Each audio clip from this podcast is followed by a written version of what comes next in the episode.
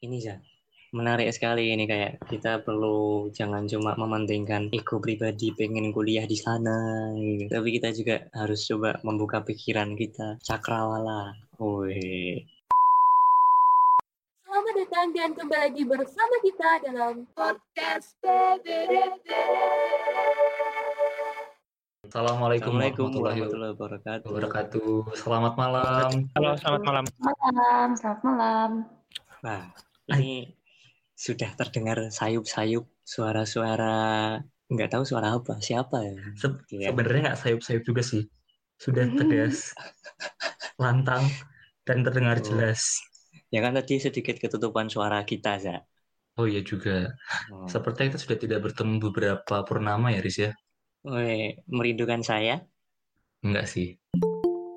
Gue rindu narasumber-narasumbernya aja. oh, siap siap. Anjay. Kemarin-kemarin kita udah ngobrolin tentang apa aja, Riz. Ada bisnis, ada oh kuliah iya di luar negeri. Heeh, terus ya?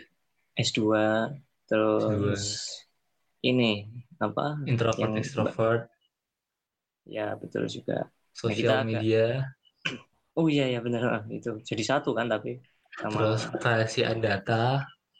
Wih, keren. Wih, tapi yang cuman satu kali pembicaraan, cuman Nggak bahasnya apa-apa. banyak. Jadi yang hari ini kita bakal bahas apa, Riz? Oke, hari ini kita agak sedikit flashback ke topik pertama dan kedua mengenai kuliah. Nah, Oke. kalau pertama kan kemarin S1 di luar negeri. Nah, yang Mhm. ngobrol Mbak Tita. Kedua, S2 di Inggris. Nah, Mas Jano.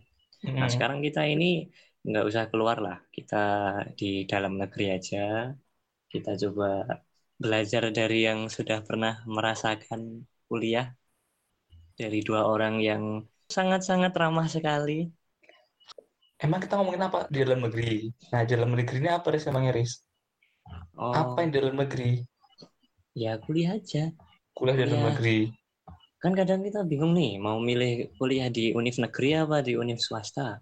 Oh, maksudnya sekarang di dalam negeri, tapi perbedaannya adalah satu dari negeri, satu dari swasta gitu ya? Mm-mm. Oke, baik. Nah, emang narasumbernya siapa aja kali ini, Riz? Yang sudah Nah, kita dengarkan ada- tadi di awal. Nah, ini ada Mas Miftahul Majid. Halo, selamat malam. Selamat malam. Nah, biasa dipanggil Mas Mas siapa? Mas Taul atau siapa kalau sekarang? Ya oke, Mas Taul boleh. Kalau misalnya ada ada yang manggil kalau di luar dipanggilnya Majid. Oh, Mas Majid. Majid aja. Ya oke boleh. Oke, satu lagi ini ada Mbak Francisca Anjani. Halo, selamat malam. Selamat malam, Mbak. Nah, ini agak unik ini. Nama panggilannya Tania. Ya, Ah, emang agak unik. Dari mana dapatnya nama panggilan itu? Tidak akan bahas di sini. Pokoknya Tania aja panggilannya. Sering banyak ditanya tapi kan ya, Mbak. Iya, betul. Betul sekali. Sampai jelek kadang-kadang kayaknya. Oke, Zan. Kira-kira kita apa dulu nih ngomongnya? Nah, kita nanya dulu dong, Riz, background-nya ini yang negeri siapa, yang swasta siapa, prodinya apa, univnya mana? Wah, betul juga nih. Kita mulai dari yang siapa nih? Enaknya, Zan. Eh, kan tadi udah Mas Taul dulu, Mas Taul, Mas Majid dulu. Nah, sekarang Mbak Tania dulu aja deh. Dari mana ya? Mbak Tania dulu kuliah di mana, Mbak? Aku dulu kuliahnya di Unpad di Universitas Pajajaran. Bandung ya? Fakultas ya di Bandung. Tapi sebenarnya bukan di Bandung sih, itu di Jatinangor. Oh, sorry, Jatinangor itu mana, Mbak? Bandung Bandung coret lah. Tetap lah, dia deket Bandung lah, tapi uh, bukan di kotanya, di pinggiran Bandung. Di Fakultas Ilmu Komunikasi, jurusannya manajemen komunikasi. Gitu. Berarti negeri nih ya, Mbak Tania ya. Negeri, betul. Baik, kalau Mas Miftah, Hul, Majid, Mas Majid aja biar enak dan gampang. Oke, aku kuliah di Universitas Islam Indonesia, cabang Jalan Kaliurang. Oh. UI Indonesia ya. Ya benar, UI Indonesia. Ya, Bisa disebut begitu. Indonesia. Di fakultas? Fakultas Teknologi Industri, jurusannya Teknik Industri. Berarti Mas Taul dari swasta ya Mas ya? Ya, Oke. Oke. dari luar negeri sebelum- berarti. Mas Taul di luar negeri karena dari swasta. Swasta. Oke, oke sebelum lanjut nih, eh, boleh ini nggak, boleh dibuka nggak? Sebenarnya nih, sebenarnya eh, dulu itu pengen kuliah di mana sih? Pengennya dari Mas Taul mungkin? Hmm, pengennya ya. Oke. Aku pada waktu itu sempat gap year. Jadi aku lulus SMA 2012. Terus pas itu aku mau em, kayak belum nentuin mau masuk ke mana. Jadi aku kerja dulu eh, di apotek setahun. Terus masuklah UI. Kalau memang pas aku masuk udah keduluan masuk UI dulu, baru ikut SBM-nya UGM waktu itu dengan jurusan yang sama, teknik industri. jadi berarti tetap istilahnya pengennya di UGM gitu ya? Mm-mm. Oke. Karena Kalau waktu dari- itu lebih deket. Oh ya. Kalau dari Mbak Tania? Kalau aku juga dulu pengennya UGM, tapi jurusannya hubungan internasional. Ah, Kalau nggak UGM waktu itu maunya UI Universitas eh, Indonesia kan. Tapi setelah aku pikir-pikir kayak aku mau coba yang lain biar eh, nyoba keluar kota. Makanya nyari-nyari nyari-nyari info, nekat aja eh, daftar ke Vkom Unpad gitu. Hmm. Oke. Berarti Mbak Tania ini mengubah haluan dari jurusannya hubungan internasional ke Ke komunikasi. Betul. Karena di Unpadnya nggak ada HI atau karena memang ingin mencoba? Karena pengen coba aja, waktu itu pengen coba ke komunikasi gitu. Udah nggak tertarik lagi sama HI waktu mau lulus SMA. Oke, oke, ternyata begitu. Dan Mbak Tania berarti dari SMA langsung kuliah. Oke. Nah, Kalau betul. Mas Taul kan sempat kerja dulu dari SMK ya, Mas? Ya, SMKU. Oke, pertimbangannya seorang anak SMK yang kerja tapi tiba-tiba pengen masuk kuliah. Kenapa? Kok dari Mas Taul pengen kuliah? Nggak Oke, kerja terus um, gitu? Nggak, nggak. Eh, sebenarnya memang dari awal pengen kuliah. Cuman pas setelah lulus kayak belum memutuskan mau ngambil jurusan apa. Aku kan SMK jurusan farmasi. Jadi bimbang antara mau lanjut farmasi kah atau ngambil jurusan lain kah? Pada waktu itu belum diputuskan. Oh begitu. Tapi dengan Hmm. eh, kayak slogan SMK langsung kerja gitu gimana Mas kalau menurut Mas Taul? Ya nggak apa-apa. Sebenarnya memang bisa kerja kan. Aku pun Mhm. ya bisa aja kerja waktu itu. Gitu. Kalau memang niatnya mau kerja terus kerja terus ya nggak apa-apa. Cuman aku pada waktu itu kayak pengen aja kuliah. Kalau pertimbangan dari farmasi nih backgroundnya, kok tiba-tiba Hmm. ke teknik industri nih? Apa ini? Oke, mungkin agak slang dikit ya. Jadi, Iya. aku kan pernah setelah lulus kan kerja dulu nih di apotek. Jadi kayak aku udah tahu nih dalamnya eh, dunia farmasi itu seperti apa. Dari senior-senior yang kerja di situ. Tentang ribet ngurus perizinannya, tentang pengadaan barangnya, dan lain-lain. Oke. Terus, em, delalah ada temanku SMK yang dia udah kuliah duluan, langsung ngambil teknik industri. Jadi dia langsung masuk.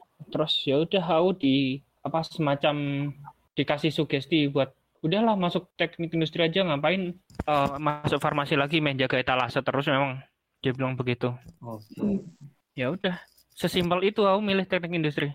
Wah ini Za, pertimbangan-pertimbangan dari narasumber. Sementara dari transisi SMA ke kuliah begitu. Oke, ini Reza ada pertanyaan kan? Nah, sebenarnya ada sih. Tadi tuh gue udah kepikiran kan, Mbak. Kalau kita nanyain eh, biar berapa sih biaya kuliah, lo bisa carilah sih sendiri di internet masing-masing kan, di websitenya Unpad sama di websitenya UII.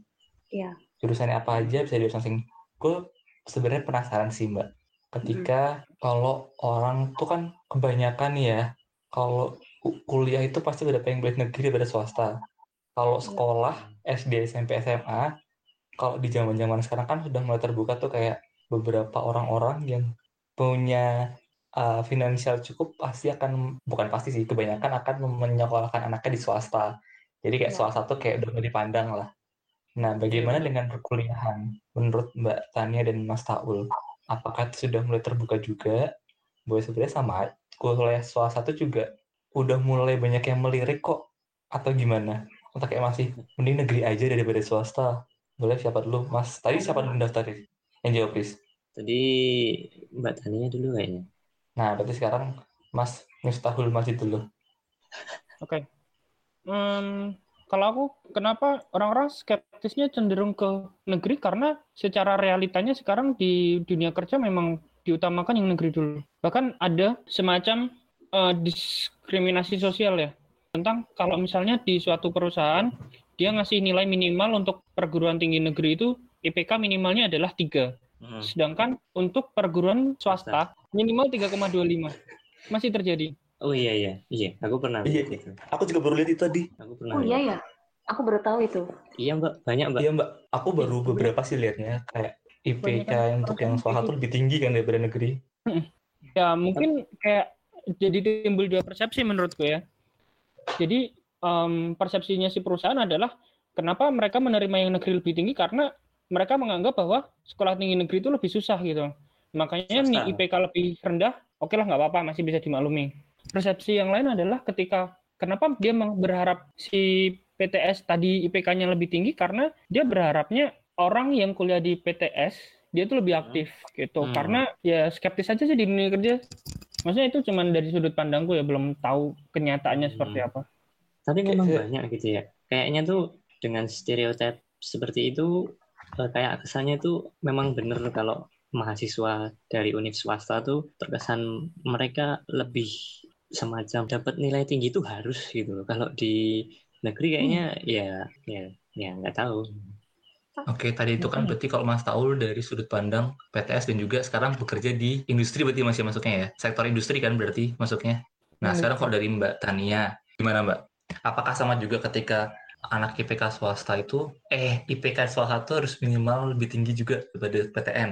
Kalau sebenarnya kan kalau aku dulu juga uh, pernah sempat kerja di Jakarta kan di hmm. digital advertising agency, terus sempat hmm. magang juga di uh, eh, MRT, Toyota kayak gitu. Sebenarnya kalau yang aku lihat-lihat sih makin ke sini perusahaan makin melihat uh, pengalamannya sih kalau buat uh, cari calon karyawan. Kalau buat perguruan tinggi mungkin uh, kenapa mereka milihnya negeri karena banyak kan orang-orang di industrinya itu juga dari negeri gitu. Kalau aku lihatnya sih gitu.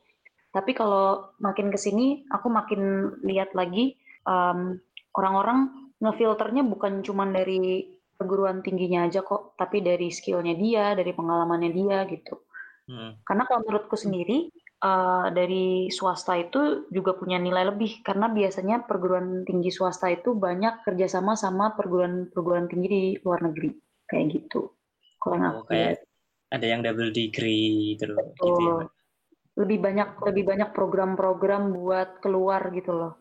Tapi emang ada beberapa universitas swasta kan yang emang ya mahal bayarnya, tapi bisa dapat pengalaman lebih gitu loh. Jadi lebih go internasional lah kalau swasta. Kalau aku sih ngeliatnya kayak gitu ya. Kalau dari aku. Kayak semboyannya Universitas Muda Mendunia ya. Go ya, internasional. Betul. Tapi Mbak, gue jadi tertarik tadi waktu Mbak Tania bilang uh, beberapa perusahaan sebelumnya itu kenapa memilih negeri karena mayoritas di sana negeri. Nah, apakah itu semacam kayak ada kan yang beberapa universitas atau senior-senior itu kayak nyumut junior sendiri gitu loh? Ada, ada kok. Ya praktek kayak gitu juga banyak sih di industri-industri. Apalagi kalau di Jakarta, kalau misalnya kenal sama yang ini, yang itu, masuk tuh ya lumayan gampang sebenarnya. Kalau yang aku lihat di lapangan sih kayak gitu.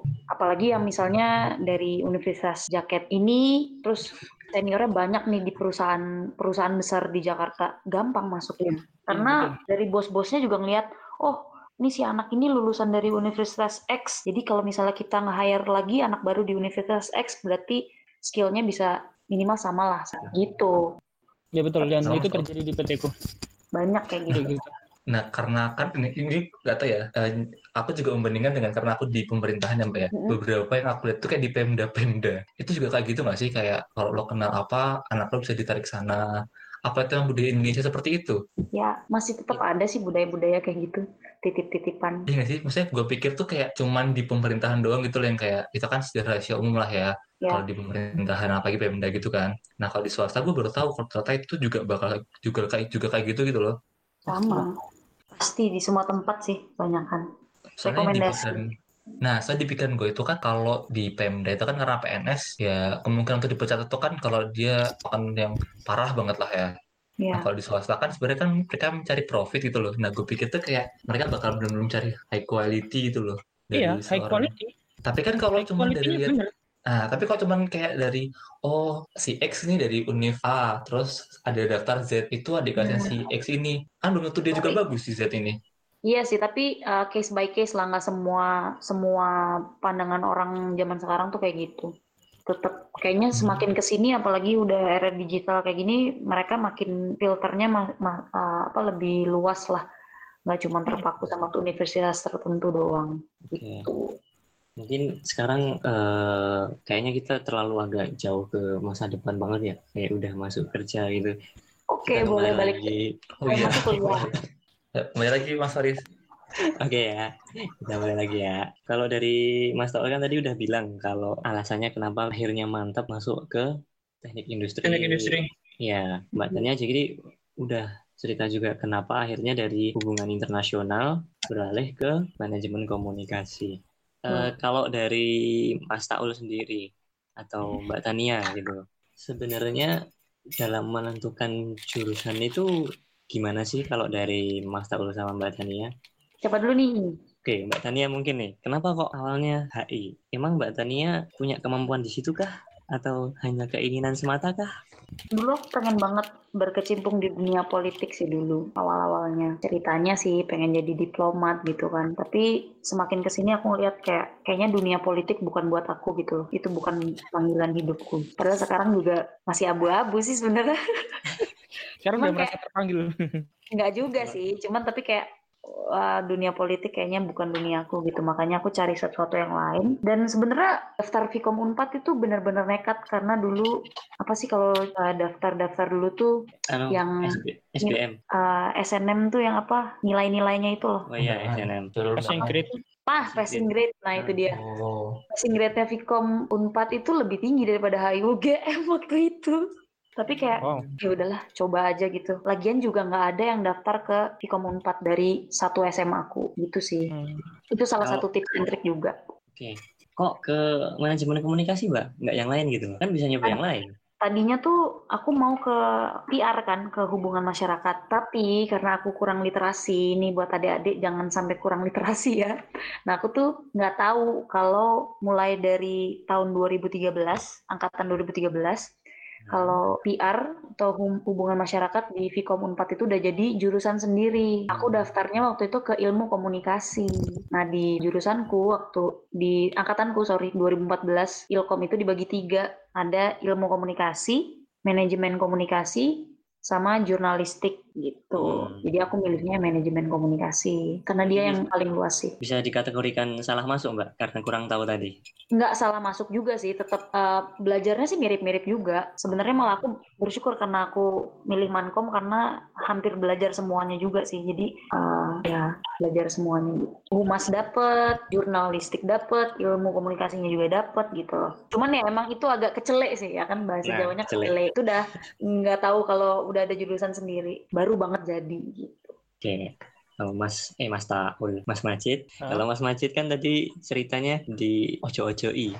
Ojo-ojoi atau apa ya istilahnya ya? Sama Maju di dikasih saran Iya, Baik, kasih ke teknik industri aja. Sebenarnya udah ada gambaran belum sih awalnya teknik industri apa atau ya udahlah udah disaranin ini masuk teknik industri aja gitu. Oh enggak, sebelumnya banyak banget tak aku nyari semua. Jadi sebelum aku mantap buat ngambil teknik industri, aku mah ngambil bahasa Inggris waktu itu. Sastra Inggris. Eh, iya, bukan yang sastra tapi yang pendidikan. Oh, jadi guru berarti. oh Em, mungkin targetnya waktu itu adalah aku pengen jadi native speaker untuk turis Oke. wow keren pada waktu itu. Terus ya tidak tidak apa ya, tidak terjangkau. Anunya Inggrisnya atau Bukan, eh, maksudnya pas aku mencoba masuk nggak diterima. Nggak lolos. Em, terus pas dikasih saran karo temanku teknik industri kan terus aku nyari-nyari nih teknik industri itu apa yang dipelajari di dalamnya apa terus nanti prospek kerjanya gimana kayak gitu gitu terus setelah itu baru mulai tertarik jadi em, pas sudah tahu nyambung ke mana aku tuh ada ketertarikan ke dunia otomotif ke Hmm. produksi mobil pada waktu Hmm. itu itu waktu udah masuk kuliah. Belum belum masih menentuin. Pas aku Oke. nyari-nyari teknik industri kerja bisa kerja di mana, fokusku adalah perusahaan otomotif yang pengen ku incer. Nah, untuk masuk ke perusahaan otomotif pada waktu itu yang kulihat ada dua jurusan, teknik industri dan teknik mesin. Terus setelah dipelajari lebih lanjut eh, tentang bahasan apa tentang mata kuliah yang diajarkan tuh mata kuliahnya di teknik industri itu kayak lebih luas jadi lebih menarik Oke, itu untuk mata kuliahnya sendiri berarti Mas Majid tanya-tanya sama teman atau kayak cari di internet gitu pas itu? searching sendiri Oh, searching sendiri. Oke. Hmm. Wah, ini kayaknya eh, dalam menentukan apa ya jurusan atau program studi ya lebih enaknya ya dari Jurusan jurusan itu lain. jurusan. Sama aja sih. Hmm, dari jurusan itu eh, kalau misalnya nggak sesuai dengan yang dipingin ini menurut Mas Taul gimana nih? Kan awalnya sempat di farmasi kerja di apotek nih. Kalau Hmm. ternyata akhirnya nggak ke teknik industri gitu misalnya, atau mungkin kalau ternyata kita kuliah di yang wah nggak expect banget nih kayaknya, kok gini sih kuliahnya gitu. Itu gimana kalau menurut Mas Taul? Hmm, kalau misalnya kita kuliah di luar yang kita inginkan. Akhirnya keterimanya di situ gitu. Oh gitu. Nah, Hmm, mungkin nah aku sendiri nggak nggak bisa expect ke sana ya. Tapi beberapa contoh dari temanku ya ada aja yang jalan udah lama. Misalkan kayak udah jalan lima semester, passionnya dia di kedokteran ya tetap keluar dia daftar kedokteran di Betul, universitas lain. betul. berarti coba sampai dapet. Iya. Hmm, ya dia akhirnya kuliah tuh nggak niat-niat gitu. Masuk kadang masuk, masuk seenaknya gitu. Bahkan kayak kita nyebutnya kayak siluman gitu. Kelihatan enggaknya tuh seenaknya seenaknya sendiri. Kuliahnya Daud. Iya, kayak gitu. Ya mungkin itu salah satu penyebabnya karena di kuliah yang sekarang tuh nggak sesuai ekspektasi dia gitu. loh. Akhirnya cabut-cabutan nggak jelas. Oke, terus gimana nih cara kita tahu?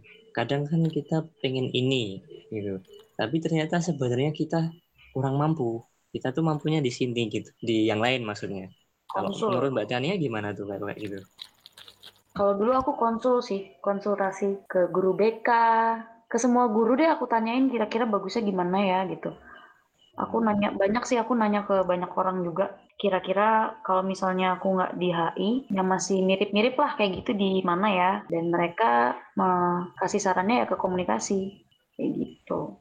Berarti Tapi- tetap ma- masukan dari orang lain penting. Betul, masukan dari orang lain dan ikutin kata hati juga sih. Mhm. Tetap tetap ikuti kata hati. Kata hati. Mm. Terus nanya juga sama sama senior senior yang udah kuliah di jurusan itu. Ah, Hmm, bener itu penting Itu tuh. itu penting banget sih. Biar tahu juga nanti pas kuliah tuh gimana apa belajarnya apa Ini- aja. ini yang menarik nih. Senior. Senior itu sebenarnya kita lebih tepat tanya kepada yang sudah eh sudah sudah Hmm. kuliah berapa tahun sih? Kalau aku waktu itu nanyanya di saat di aku, aku kan angkatan 2014. Hmm. Aku nanyanya ke yang angkatan 2013 sama 2012. Jadi nggak jauh-jauh banget. Hmm. Kalau aku gitu. Kalau Mas Taul berarti dari teman tadi ya? Hmm, itu yang pertama. Terus pas aku keterima di UI kan kebetulan ada senior tuh Mas Irfan yang Hmm. kuliah di sana lebih dulu angkatan 2010. Ya udah, aku nanya ke dia. Ini ya menarik sekali ini kayak kita perlu jangan cuma mementingkan ego pribadi pengen kuliah di sana gitu. tapi kita juga harus coba membuka pikiran kita cakrawala Wih. Betul. Betul. Karena kadang-kadang apa yang kita inginkan itu bukan apa yang kita butuhkan. Cie. Asik. Kayak doi kan, Nice Mbak. Kita pengenin dia, tapi bukan Iya dia yang kan? untuk kita. Iya Wah, dong. itu Eh. Gimana, Riz? Gimana, Riz? nah gue arti kono lah gimana sih Tadi ngomong-ngomongin alumni nih, uh, gue pernah ketemu di mana ya mbak ya? Pokoknya kayak start, eh, menjadi explore lah. Ada yang bilang katanya kalau di negeri itu lebih solid lah daripada di swasta. Bener nggak mbak itu di perkuliahan? Dari yang di swasta dulu aja deh. Gimana Mas Miftahul Majid? Katanya, katanya kalau anak negeri itu lebih solid daripada anak swasta. Bener nggak? kuliahnya Belum tentu. Kuliahnya nanti kuliah. Enggak Atau apa-apa, aku nggak punya perbandingannya. Iya. Belum tentu sih Badannya- tergantung tempatnya juga. Nah, contohnya gimana Ada mbak, mbak Tania?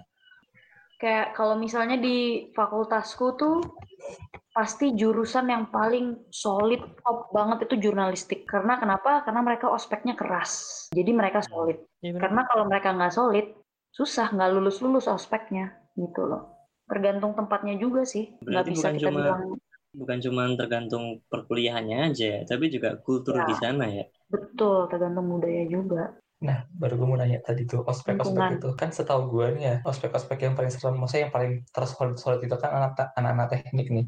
Gue baru tahu Yes. ada anak F, eh, ilmu komunikasi, sosum berarti lah ya, juga keras Iya. kok ospeknya.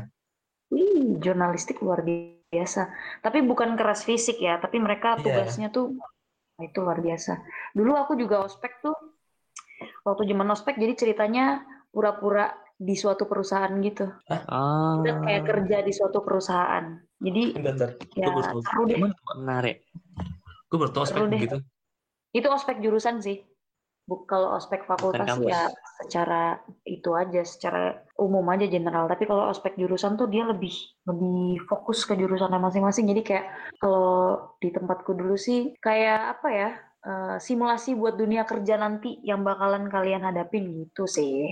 Dan itu, Itu berat bikin, buat beneran abang. bikin, Hah? Berarti benerin jalanin usaha, Mbak? Atau gimana? Ya enggak sih beda-beda sih tiap tahunnya apa namanya eh, temanya beda-beda. Kalau pas Mbak Tania, Duh, kalau pas aku dulu apa ya? Wah, sampun sepuh. aduh, Eh, terlihat ya. Enggak sih. Hampir mirip-mirip sih bikin kayak project-project gitu Bikin eh, kayak siaran radio bikin sorry bikin project radio terus project TV bikin brand kayak gitu-gitu sih sebenarnya Oh, jadi diajarin juga diajarin caranya gimana bisa konsultasi sama dosen gitu-gitu dan itu kepake sih waktu dunia kerja Ini aku baru tahu ini ada ospek model kayak gini nih. sama. Keren tuh. makanya Kalau kalau Mas ya, gimana nih? Hmm, nggak di tempatku biasa weh. Karena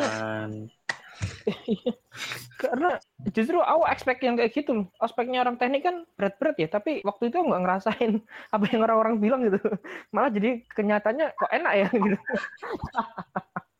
Ini emang Mas Taul yang Mas Majid yang sudah terbiasa dengan kultur begitu atau emang ya emang biasa baik aspeknya? Biasa.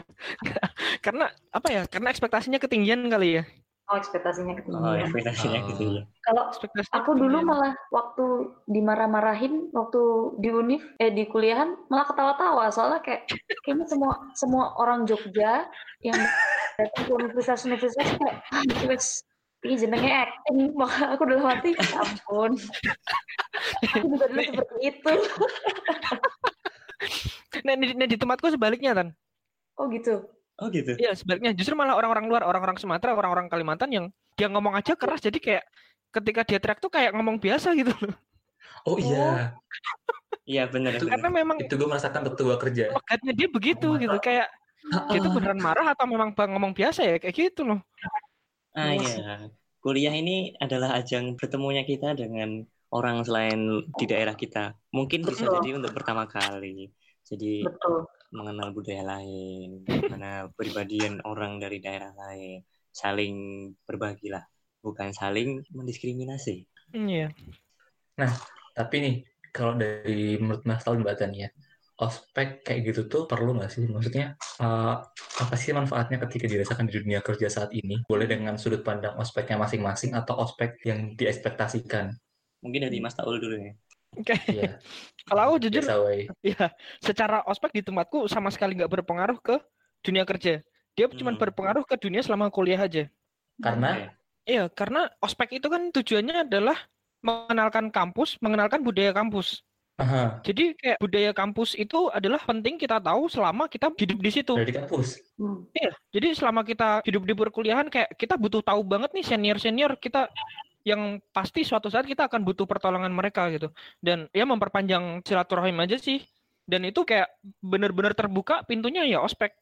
Hmm. betul dari ospek Mm-mm, jadi kita tahu orang ini, kita tahu orang itu, kemudian kita ngobrol, kemudian kita dapat informasi penting di selama di kampus dan barangkali bisa lanjut ke dunia kerja. Barangkali ya, berarti tidak Tidak menjamin. tidak selalu Hmm. Makanya orang bilang kalau semakin kita banyak relasi semakin menguntungkan tuh ya dalam real life-nya kayak gitu. Memang benar-benar menguntungkan. Nah, kalau dari Mbak Tania, Betul sih, aku setuju juga sama Mas Taul. Dan ospek itu jadi bikin kita nggak kaget kalau udah kuliah gitu loh. Karena waktu ospek itu udah ngerasain kayak misalnya ngerjain tugas yang banyak banget dan deadline-nya pendek, itu udah diajarin dari ospek gitu. Kalau aku sih gitu, waktu di jurusanku gitu. Jadi udah kebiasa, udah kebiasa kayak, aduh ospek aja dulu bisa, masa sekarang nggak bisa gitu. Oke. Dan ke bawah sih sampai dunia kerja. Ah, ngomongin soal ini nih senior tadi nih dan ngomongin soal relasi.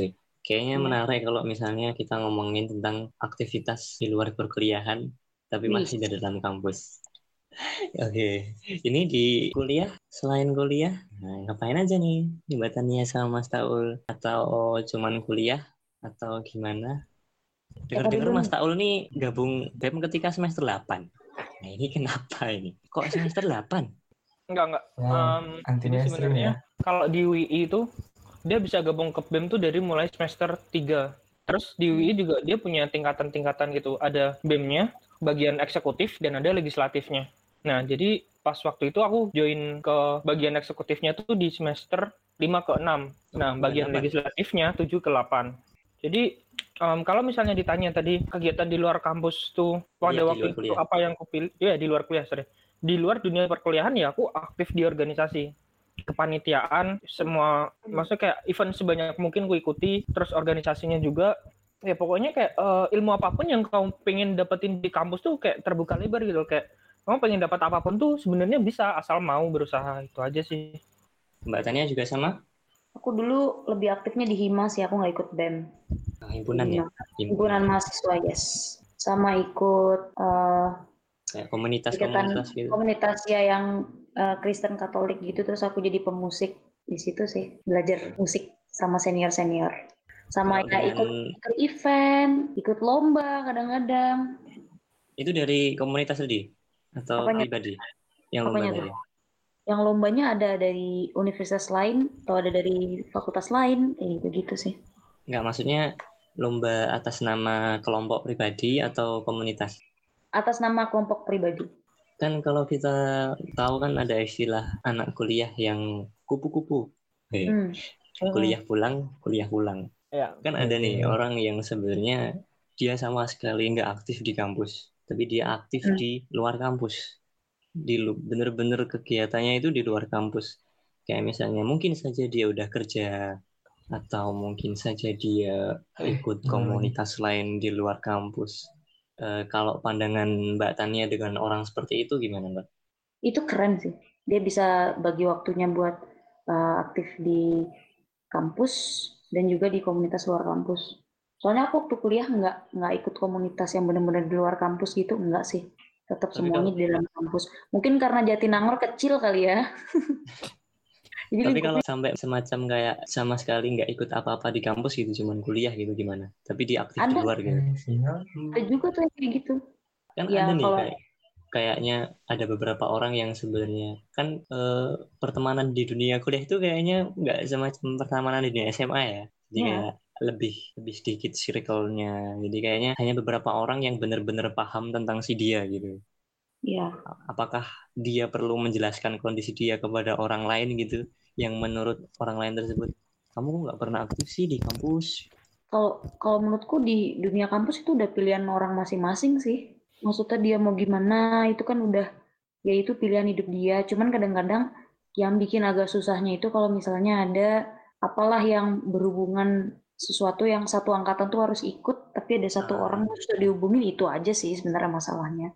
Ah, Cuman ya. kalau di luar itu ya emang itu udah pilihan pilihan hidup dia gitu. Kalau Mas Taul pernah menjumpai seperti itu, Mas?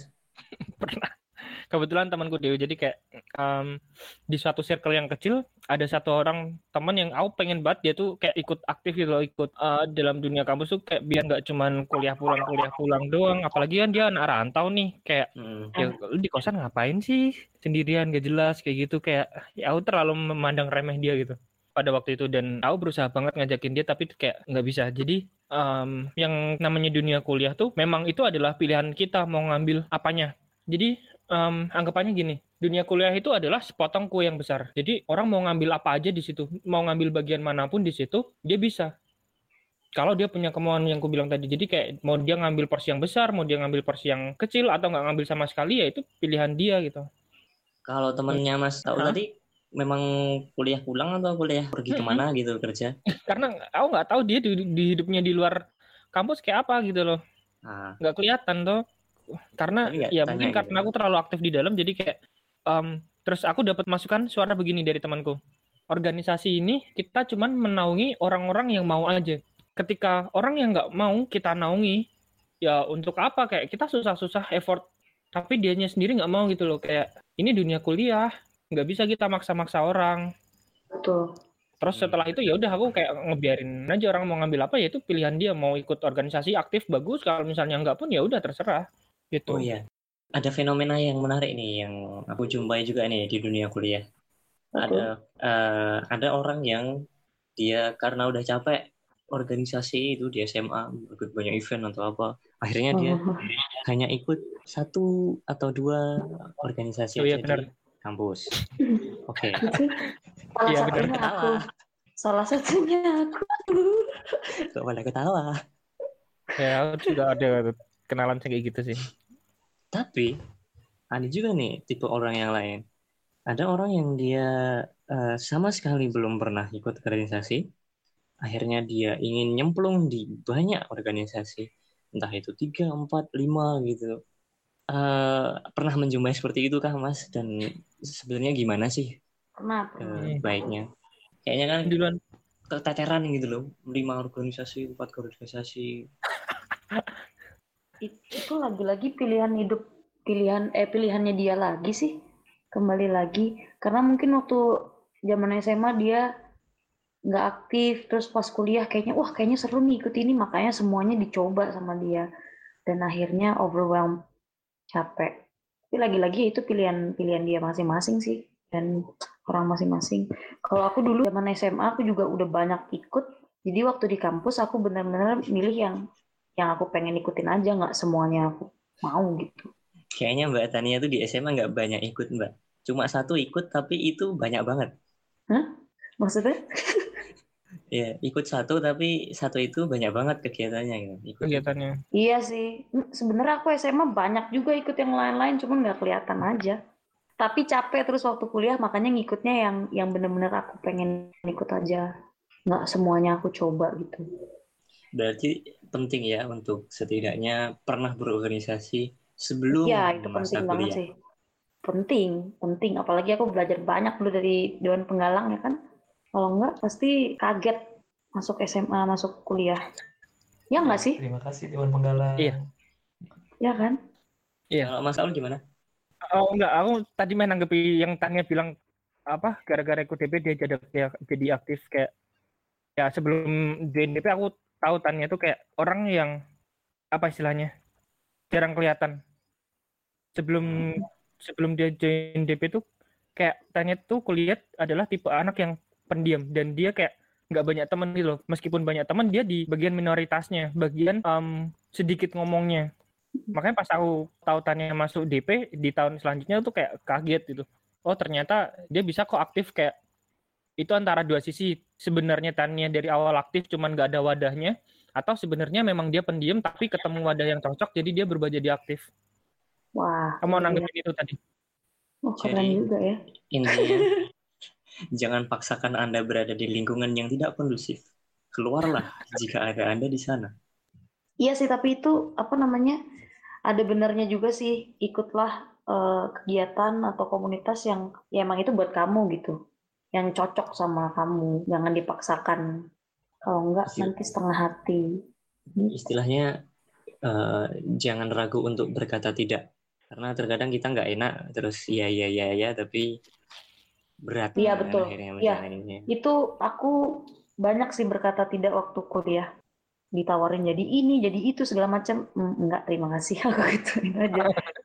Karena aku tahu kalau misalnya aku ikut itu wah nanti bisa-bisa waktuku habis buat organisasi malah nanti kuliahku keteteran kan daripada daripada iya benar ya kan Iya, jadi pilihan untuk ikut organisasi itu kayak balik lagi pertama kebutuhan, yang kedua adalah mengasah kemampuan. Karena aku pun pernah Hmm. pas ikut sebuah kepanitiaan, delalahnya ada dua event yang jalan rapatnya tuh barengan gitu, kayak bingung Mm-mm. gimana nih datang ke sini dulu atau ke sana dulu gitu. Terus akhirnya adalah balik ngelihat prioritas. Lebih penting aku di- atau di sana. Kalau misalnya di sana aku nggak bisa nggak datang nggak apa-apa, oh yaudah aku milih yang di sini.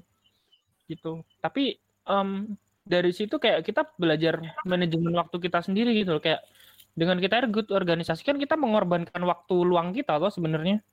Hmm. Iya. Itu sih dan itu berpengaruh banget di dunia kerja. Kalau di kedinasan nggak ada organisasi ya? Mohon maaf nih, makanya gue di satu nih. Gue kagak ikut organisasi juga coy. Tapi kalau yang D3 ada. Ada di di stand, ada di stand di stand Jakarta ada kan gue stand. Oh, stand. Stanza. gue stand dari tapi ya mbak aku setuju sama kata mbak Tania dan Mas Taul kayak semakin hidup tuh diri lo sendiri itu prioritas lo antara lo mau ikut apa nggak ikut lo akan memprioritaskan yang mana kuliah lah atau ke organisasi lah terus juga dengan pertimbangan tidak mengedepankan ego nggak sih kalau kita ego kita pasti bakal ambil ambil semua aja nggak sih mbak Tuh. Kalau aku sih dulu mikirnya ya aku harus udah dapat kesempatan hmm, dari Tuhan kan dikasih nih kuliah di sini jalur undangan gitu puji undangan. Tuhan. Ya kalau bisa digunakan sebaik mungkin gitu jangan disia-siain. bukan lagi kayak zaman zaman sekolah gitu ya mbak ya Hmm, kalau zaman sekolah kayaknya dulu kalau bisa diambil semua ambil aja semua. iya kan Kan masih ego. asli zaman sekolah tuh Iya. kayak itu dan dan ikut omongan orang kan ikut aja ikut aja Iya ikut aja. Kenapa enggak sih? udah kayak itulah tapi zaman kuliah zaman kerja tuh kayak hidup hidup. Hidup kan yang jadi kita sendiri. Ya apa tuh? Oh iya enggak. Kata mbak Tina setuju itu tuh pilihan dan hidup itu ya kita sendiri jalanin kan ya. Jadi kayak ya bukan bukan senior atau orang lain jalanin. Jadi ya kita sendiri yang tahu kita capek apa enggak. Iya, tapi itu bakal lebih di ngertiin lagi kalau abis lulus kuliah. asli mbak ya kan? Itu Gua- luar biasa itu. apalagi gue gue kerja tuh di saat teman-teman gue masih kuliah kan jadi kayak jiwa-jiwa gue masih jiwa-jiwa mahasiswa Main. tuh loh Iya, iya, tahu-tahu. ah selamat masuk ke quarter life crisis ini kalau gue beberasin topiknya lanjut Tris Oke, Ayo. sekarang kita masuk ke sesi pertanyaan. Wih. Ini kita tadi di akun Instagram Dewan Penggalang sudah mendapatkan satu pertanyaan yang dinilai menarik oleh tim. Dan pertanyaan itu adalah sebenarnya kayaknya ini udah agak terjawab sih tadi. Cuman kayaknya mungkin bisa lebih diperas lagi jawabannya gitu ya. Siap. Pertanyaannya adalah struggle kuliah di swasta dan negeri itu lebih berat negeri atau swasta? Ini kuliah apa ini? Hmm. Mungkin budayanya atau pelajarannya ya? Nah, mungkin bisa dua-duanya. Gimana ini? Dari siapa dulu nih? Dari AA Taul? Oke, struggle ya. AA. Balik lagi sih karena aku nggak punya perbandingan ya kuliah di negeri gimana. Sebenarnya Mungkin kalau ini aja, eh, struggle-nya Mas Taul dan teman-teman tuh lebih ke apa gitu? Apakah eh, gimana sih? Bentar, aku coba nyerna dulu ya. Yang dimaksud ini atau bukan nanti tolong diarahkan. Jadi em, struggle versi itu ketika itu ya karena banyak pilihan. Jadi gini, di dunia kampus kita tuh bisa aktif di dua sisi. Yang pertama akademik, yang kedua non akademik. Mhm. Non akademik tuh pilihannya banyak banget. Kita mau aktif di apa pun bisa. Pilihannya ada. Tergantung ke kemampuan sama kemauan kita untuk ngeluangin waktu di situ. Karena ada beberapa em, komunitas yang dia tuh kayak ngabisin waktu banget, tapi hasilnya ya memang bagus banget. Dan dia sering ikut lomba dan tampil di mana-mana buat ngisi acara kampus atau ngisi acara di luar, sering dapat undangan keluar, kayak gitu-gitu. Itu yang versi non akademik. Yang versi akademiknya adalah kita bisa join kelompok penelitian atau kelompok apa namanya kayak jurnal-jurnal gitu, eh, kelompok ilmiah atau apalah nama sebutannya tiap kampus beda. Itu akan mengembangkan kita ke arah akademik. Jadi kayak sistem penulisan yang baik gimana, sistem penelitian gimana, terus ya pokoknya kayak gitu-gitulah. Jadi kalau aku waktu itu kebetulan memang belum tertarik ke dunia akademik ya, jadi aku ngambil yang non akademik dan ya alhamdulillahnya sampai sekarang itu masih berguna banget sih ke kehidupan di dunia kerja gitu. Kalau mungkin kayak semacam apa sih yang dulu Mas Taul pernah alami gitu, eh, kayak hal paling berat gitu yang membuat Mas Taul dalam tanda kutip ya harus bertahan dan tetap melanjutkan. Atau mungkin dan teman-teman juga nggak cuma Mas Taul sendiri gitu. Eh, enggak, kebetulan karena aku dan circle dekatku kita punya pilihan yang berbeda. Kebetulan nggak ada nggak ada yang masuk ke event atau organisasi yang sama di kampus waktu itu. Jadi ketika dibilang berat ya berat karena organisasi di kampusku waktu itu memang kita punya banyak tekanan dari luar dari eh, organisasi fakultas sebelah, organisasi tingkat universitas, bahkan tingkat jurusan pun ada. Dan di situ ya kayak dinamikanya banyak. Bahkan kita pernah rap ngadain rapat salah satu minggu itu dari maghrib sampai jam 3 terus menerus. Itu persiapan Oh. ospek atau apa itu? Bukan, kita ngebahas em, apa istilahnya? ADART organisasi. Ah, Apa sih nyampe itu istilahnya? Kalau di kampusku namanya sidang umum. Nama nama nama rapatnya adalah sidang umum, tapi nama dokumen yang dibahas tuh aku lupa deh. Pokoknya itu ngebahas ADART dan Panjang. oke. itu. Jadi itu kayak menuntut kita untuk komitmen di situ. gitu. Entah kita akan gugur atau kita bisa bertahan di situ ya. Struggle, struggle, struggle banget. Oke, itu dari Mas Taul nih. Kalau versinya Mbak Tania nih, mungkin agak sedikit berbeda nih. Struggle waktu kuliah ya. Kalau aku pribadi sih, kalau aku pribadi, kan ini nggak semua orang ngalamin. Dulu eh, ibuku sempat sakit waktu aku kuliah. Itu aku sempat kayak, duh, aku mau berhenti kuliah aja deh. Aku mau ngurusin mamaku aja gitu. Tapi aku nggak boleh sama keluarga. Udah kamu apa eh, lanjutin aja kuliah yang sebaik mungkin. Nggak usah mikirin mama di rumah. Tapi itu juga lumayan susah sih kalau aku struggle juga karena kayak aku kan anak paling kecil. Aku merasa kayak kalau bukan aku siapa lagi gitu loh yang jagain dia. Kalau aku sih gitu dulu struggleku sih lebih ke mental sih kalau aku Hmm, karena masalah itu. Cuman Jadi- kalau buat yang lain-lainnya em, tugasnya sih luar biasa. Waktu kuliah itu ya namanya juga kuliah nggak ada yang gampang lah. Dulu tuh sempet eh, ada satu semester, semester 4 tuh isinya 80% praktek. Dan itu kan namanya juga mahasiswa belum pernah ngerasain kayak gitu. Itu semua orang di angkatanku tuh kayak keluar sisi lainnya gitu loh. Yang biasanya pendiam jadi tiba-tiba pemarah. Kayak gitu deh.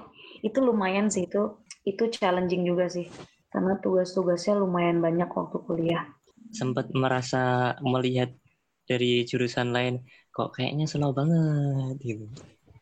Oh, aku sih bersyukurnya semua jurusan di fakultasku emang berat. Oh, semester itu emang lagi berat-beratnya gitu loh. Jadi kayak ah yang lain juga berat. Jadi nggak boleh terlalu banyak ngeluh gitu. jadi nggak ada pembanding yang membuat Ya, kok gitu. betul. Jadi kayak nggak ada waktu buat membanding-bandingkan karena emang fokusnya buat nyelesain aja semester keras itu. Gitu. Semester keras. Hmm, itu keras banget tuh semester 4 waktu Kehidupan memang keras, bukan cuma di Iya. semester, Mbak. Betul. Makanya fokus aja ke diri sendiri dulu. Biar nggak membanding-bandingkan dengan orang lain ya kan. Super sekali. Cuman ya beda-beda sih pasti. Pengalaman orang beda-beda sih. Ada struggle-nya masing-masing di masa kuliah. Berarti kita simpulkan bahwa sebenarnya struggle maupun biaya baik itu di kuliah negeri ataupun swasta eh, itu tetap kembali ke diri kita masing-masing walaupun kulturnya pasti beda tapi yang jelas kita pribadi punya masalah. Nah, Gitu. apakah masalah itu menjadi masalah yang lebih besar atau hanya sebagai kerikil saja seperti biasa di jalan? Nah, Hmm. itu kembali lagi kepada kita. Dan saya Iya. kembalikan ke Reza. sebenarnya mau kuliah di negeri, swasta, sama aja karena it depends on you. Yang memilih jalan hidupnya ya kalian sendiri lah. Mungkin yang jelas pertimbangannya kalau swasta kebanyakan adalah biaya kuliah. Mungkin. Apa gimana Mas Taul? Ada nggak selain biaya kuliah? Ya itu yang paling pokok sih. Iya itu sih. paling pokok. Tapi emang itu Kemudian yang- tidak bisa dibungkiri sih. Memang. Ya, ya itu yang pertama. Yang Iya. kedua ya jelas prestisnya beda. Antara kuliah di negeri sama yang di luar negeri pasti beda. Oh, di luar negeri. Yang swasta. maksudnya. Tapi tapi kan mas, kalau prestis mungkin tuh di di Jogja doang gak sih? Gue gak tau ya, soalnya kayak gue liat teman-teman gue di Jakarta tuh kayak lo mau lagi swasta biasa aja nggak pengaruh gitu loh, cuman beda di Iya. duit doang. Nggak, nama besar selalu Gitu. berpengaruh. Ya, ya, ya. Ini yang Aji sama Dinda ini ada yang mau ini nanya nggak? Oh iya, boleh Aji atau Dinda ada yang mau tanya nggak nih? Gimana Mas Aji sama Dinda nih? Eh, mau nanya buat Mbak Tania sama Mas Taul. Kan kalau Mbak Tania kan sekolah di negeri tapi kan di luar daerah. Jadi kan mungkin eh, Luar daerah. biaya hidupnya kan jadi tambah buat kayak kos kayak sama yang lainnya. Tapi kalau Betul. Mas Taul kan swasta tapi tetap di dalam Jogja. Maksudnya kan bisa langsung pulang ke rumah gitu kan. Ngaruh nggak sama gimana ya? Kayak biayanya, Lifestyle atau apa ini? maksudnya? lifestyle-nya. Yes, Gaya itu. ya? Gaya Oh, hidupnya. bagus pertanyaan bagus. Oke, makasih. Monggo terserah. Eh, ladies first boleh. Oke. Wah, pertanyaan yang bagus sih. Itu tadi aku sempat mau ngomong itu tapi kelupaan. Ya itu juga ngaruh sih. Apa struggle-nya juga buat manajemen keuangan sendiri. Soalnya ngekos sendiri waktu kuliah. Jadi udah mulai belajar nge-manage uang yang dikasih per bulan tuh sekian. Gimana caranya biar bisa cukup gitu. Kadang-kadang juga nggak cukup soalnya. Suka ke- apa namanya over budget tiba-tiba ada tugas yang harus ngeprint ini atau bikin ini segala macam kayak gitu sih. Jadi belajar manajemen keuangan. Kalau mungkin aku sedikit nimpali gitu ya Mbak. Kalau Ya. yang paling banyak keluar gitu selain ini selain biaya kos dan Hmm. transportasi macam-macam ya. Kalau Mm-mm. yang paling banyak keluar itu eh, biaya makan atau biaya keperluan kuliah yang lain gitu. Kayak print-print tadi. Kalau dari Mbak Kalau- pengalaman nih. Kalau di awal-awal kuliah sih lebih banyak ya biaya makan sih. Cuman kalau udah di akhir-akhir itu, wah itu sih banyak banget buat kuliah sih. Kayak buat praktek, misalnya buat patungan buat project apa, buat bikin seragam apa, kayak gitu-gitu. Terus buat ngeprint skripsi kayak gitu-gitu sih banyak sih di akhir. Lebih banyaknya di akhir. Makanya pas akhir-akhir aku juga lebih sering pulang ke rumah biar nggak banyak biaya buat transportasi dan makan makan dan lain-lain kayak gitu sih. Rumah mana nih Mbak? Di Jakarta. Ah, Jadi kan nggak terlalu jauh. Itu sih. Itu juga struggle sih betul. Itu buat manajemen manajemen keuangan selama kuliah. kalau dari Mas Taul nih ada Oke. tambahan? Kalau aku kalau misalnya manajemen keuangan ya lebih ke living style ya karena kebanyakan apa namanya tadi ketika kita persiapan event kebanyakan rapat di luar dan ya kita keluar duit sendiri buat buat makan lah buat itulah kayak ya banyak banyak aja kebetulan misalnya aku ikut ke, eh, tiga kepanitiaan sekaligus ya bisa jadi setiap hari makan di luar terus Hmm, ya ya. Berarti tergantung kita gimana. Tapi Ji, ini mungkin tambahan aja ya, jawab dari Mbak Tania sama Mas Taul. Bisa jadi eh, kayak kemarin nih, topik kemarin bisnis kemarin Za, ya kan? Betul. Di, di Hafiz kemarin dari pertama kaget dengan biaya kuliah yang tinggi, ditantang sama orang tua buat biaya kuliahnya jadi gratis. Akhirnya malah punya usaha waktu kuliah. Ada tanya lagi? Terus Dinda. atau gimana? Gimana Za? Aku udah kehabisan nih. Udah gue Dinda. Kita nggak Baik. bikin daftar pertanyaan sih.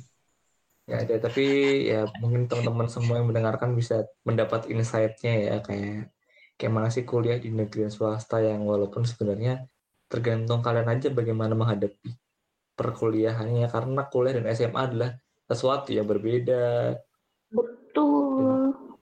Kalian akan merasakan kalian punya tanggung jawab kepada diri kalian sendiri sewaktu kuliah. oh ya Jadi mungkin nih kayak awas. sebelum penutup ya buat em, buat akhir-akhir aja nih kayak buat pesan buat pendengar aja.